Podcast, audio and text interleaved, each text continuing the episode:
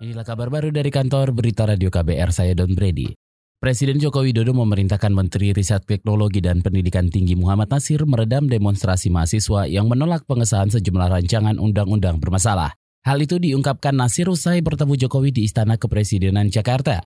Kata dia, Jokowi ingin mahasiswa berhenti berdemonstrasi dan menyampaikan aspirasinya lewat dialog. Arahnya adalah jangan sampai kita menggerakkan massa, jangan sampai kita melakukan sesuatu yang tidak diinginkan oleh keamanan, jangan sampai terjadi. Mengacukan keamanan, jangan sampai terjadi. Kita harus dorong, kan Presiden sangat terbuka dalam hal ini.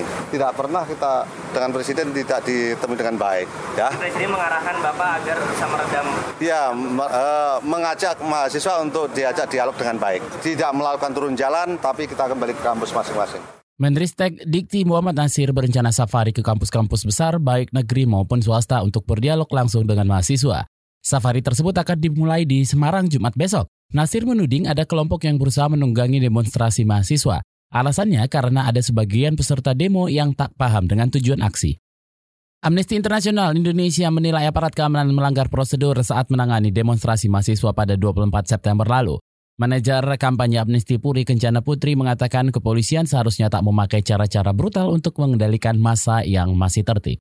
Ini jarak dari hijau ke merah yang dilakukan setelah atau bahkan ketika para demonstran memutuskan untuk membatalkan siaran pers ya. Harusnya memang ada siaran pers di lapangan, tapi uh, eskalasinya menjadi memburuk dan sepertinya Kapolres Hari Kurniawan memutuskan untuk mengambil langkah warna merah dalam pengendalian massa. Manajer kampanye Amnesty International Puri Kencana mempertanyakan dasar tindakan aparat menggunakan bom air dan gas air mata saat aksi. Puri tak melihat polisi melakukan upaya persuasif seperti negosiasi terlebih dulu untuk meredakan kerusuhan. Komisi Pemberantasan Korupsi memanggil empat saksi dalam kasus dugaan suap dana hibah KONI, selengkapnya bersama reporter KBR Astri Yuwanasari. Saudara, hari ini Komisi Pemberantasan Korupsi KPK memeriksa empat orang saksi dalam kasus dugaan suap dana hibah KONI dari Kemenpora tahun anggaran 2018. Dua orang saksi adalah staf khusus Menteri Pemuda dan Olahraga, yaitu Zainul Munasihin dan Faisal Riza. Selain dua staf khusus Menpora tersebut, KPK juga menjadwalkan pemeriksaan terhadap satu PNS Kemenpora yaitu M. Angga. Ketiganya akan diperiksa sebagai saksi untuk tersangka Miftahul Ulum. Sedangkan satu orang saksi lainnya yaitu Intan Kusuma Dewi yang merupakan sekretaris Budi Pradono Arsitek akan diperiksa untuk tersangka bekas Menpora Imam Nahrawi. Dalam pengembangan kasus ini, saudara, KPK telah menetapkan Menteri Pemuda dan Olahraga Imam Nahrawi dan asisten pribadi Menpora Miftahul Ulum sebagai tersangka baru pada 18 September lalu. KPK menyebut Menpora Menpora Imam Nahrawi melalui Miftahul Ulum diduga telah menerima dan meminta uang sebesar total 26,5 miliar rupiah. Uang tersebut diduga merupakan komitmen fee atas pengurusan proposal hibah yang diajukan oleh pihak KONI kepada Kemenpora pada tahun anggaran 2018 dan penerimaan lain yang berhubungan dengan jabatan Imam Nahrawi sebagai Menpora. Dari Gedung Merah Putih KPK Jakarta, Astri Yuwanasari untuk KBR. Dari berita olahraga, saudara ganda putra nomor satu dunia Marcus Gideon Kevin Sanjaya maju ke perempat final kejuaraan Korea Open 2019.